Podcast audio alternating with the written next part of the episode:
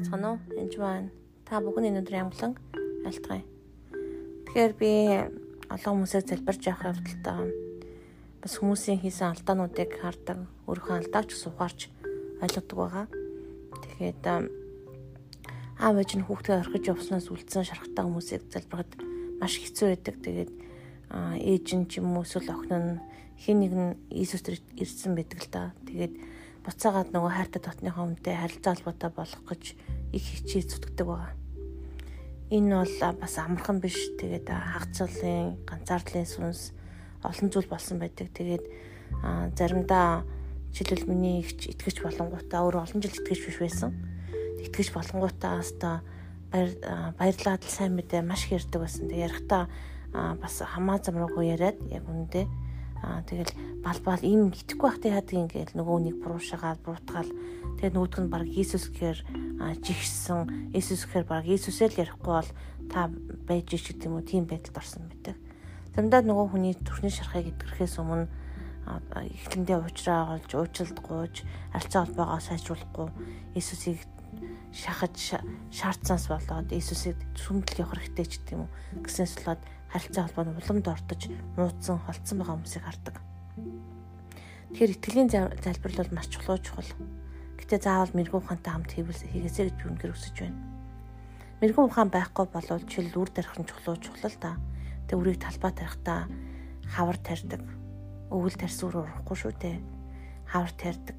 Аа тэгээ дээрэс нь яадаг вэ гэхээр бордох шаардлагатай бол бордно, хэмжээ дамжаа нь хэрэгцээ те Тэгээд дууны дэвш арч арчилдаг. Тэгээд намар ургацаа авдаг байгаа. Тэгээд авралын цаг одоо юу одоо? Үнэхээр одоо. Гэтэ тэр технологиг заах мэдих явдал хүн хүн дээр яг нэг аргаар сайн мэдэрдэггүй. Хүн хүн дээр ярих хэрэгсэл нь хүртэл өөр үйдэг заримдаа. Нэг хүнд би Йохан 10:10-ыг уншиж өгсөн юм л да. Хулгай зөвхөн хулгайлж аль зүтгэр ирсэн. Үнэхээр Иесус би гэж юм би таныг бэлгсэн бэлгсэн амтай байх гэж ирсэн гэж хэлсэн чинь тэр бэлгсэн амтай байдаг хүнээ танилцуулж өгөөч гэдэл шууд Иесусыг хүлээж авсан нэг хүнд зүгээр залбираад та Иесусыг хүлээж авах уу гэсэн чинь шууд хүлээгээд авчихсан. Энэ бол бурхан түүний зүрстгэлийг бэлдсэн байгаа мэдсэн. Яагтвэл тухайн хүнийг харахад л миний гэж салуу оргоод ариун сүс түн дээр байгаа гэдгийг би ойрхон байна гэдгийг би мэдэрсэн.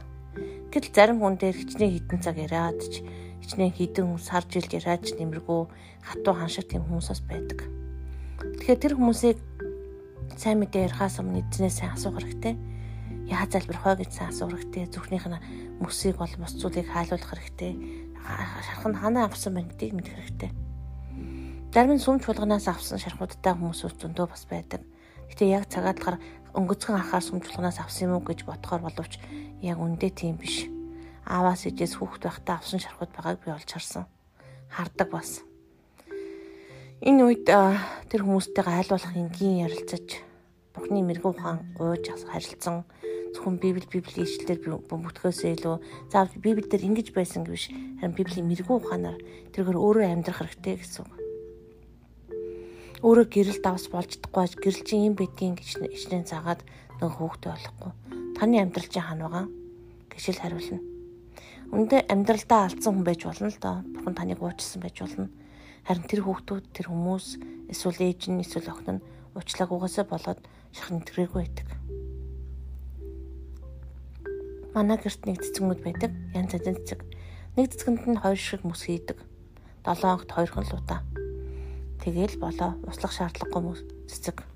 Харин нөгөө цэцэг нь өдөр болгон услах шигтэй тасгааны температуртаа ус мөс хийх юм бол өхөж орхино.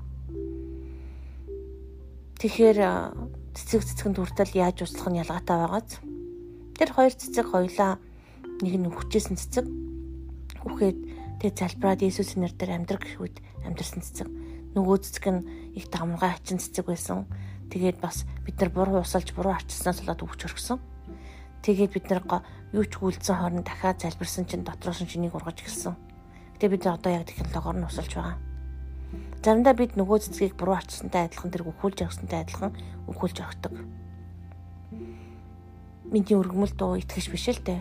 Тэгээд а Иесус Иесусэл ярихгүй бол та надтай ярьж болно шүү гэж баг хилтэл нь тийм байдалд оруулсан байсан. Урд нь бол зүүтэйгээ дүүтэйгээ зүгээр л харцдаг байсан л та. Гэтэл ихч маань итгэж болонгуудаа л та дүүгийн минь бөмбөгдөж эхэлсэн.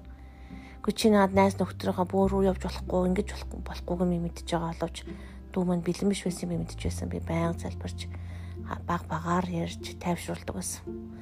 Зарим хүнд би шууд Иесусийн тухай яриад хүлээж авдаг бол зарим хүнд заримдаа хэцүү хол байх тохиолдлууд байдаг. Дүү маань бага насндаа өргөдсөн учраас аавыгаа хайдаг, ээжигээ хайж олсон. Тэгээд бас л бага насны шархууд нь хаягдсан гологдлын сүнсүүд бас байдаг. Тэрийг хөөдөг, цэвэрлдэг, залбирдаг, аль болох хайрлах гэж хичээж оролддог байгаа. Тийм болохоор хүн хүний зовсон, зовлон, туусан зам өөр учраас яг л тэр өөр өөр зэгтэй адилхан яаж харцгаа бид нар мэдэх хэрэгтэй Тэгээ бас төвчээртэй байгаасаа гэж үнэхээр хүсэж байна. Тэгээ танд итгэжний итгэл байсан ч хажууд нь мэрэгэн ухаан байхгүй бол хэрчээд хэрчээд хайжиж бас болохгүй. Итгэл гэдэг зүйл маш хатуу гэдгийг юусоо мартаж болохгүй. Хажууд нь мэрэгэн ухаан хайр хоёр заавал хэрэгтэй. Тэгэхээр танд би гэрэн л гурах гэж байна. Сургаалт өгсөйг ишлийг гэрүүлээрээ нэг нэгээр нь өдөрт нэгээс хоёрын ишлэр хамт яваасаа гэж хүсэж байна. Хам залбираад. Тэгээ суралцаасаа гэж хүсэж байна шүү. Тэгээд танд амжилт хүсье. Баярлалаа. Бурхны мэрэгэн ухаан танд үнэхээр хэрэгтэй шүү.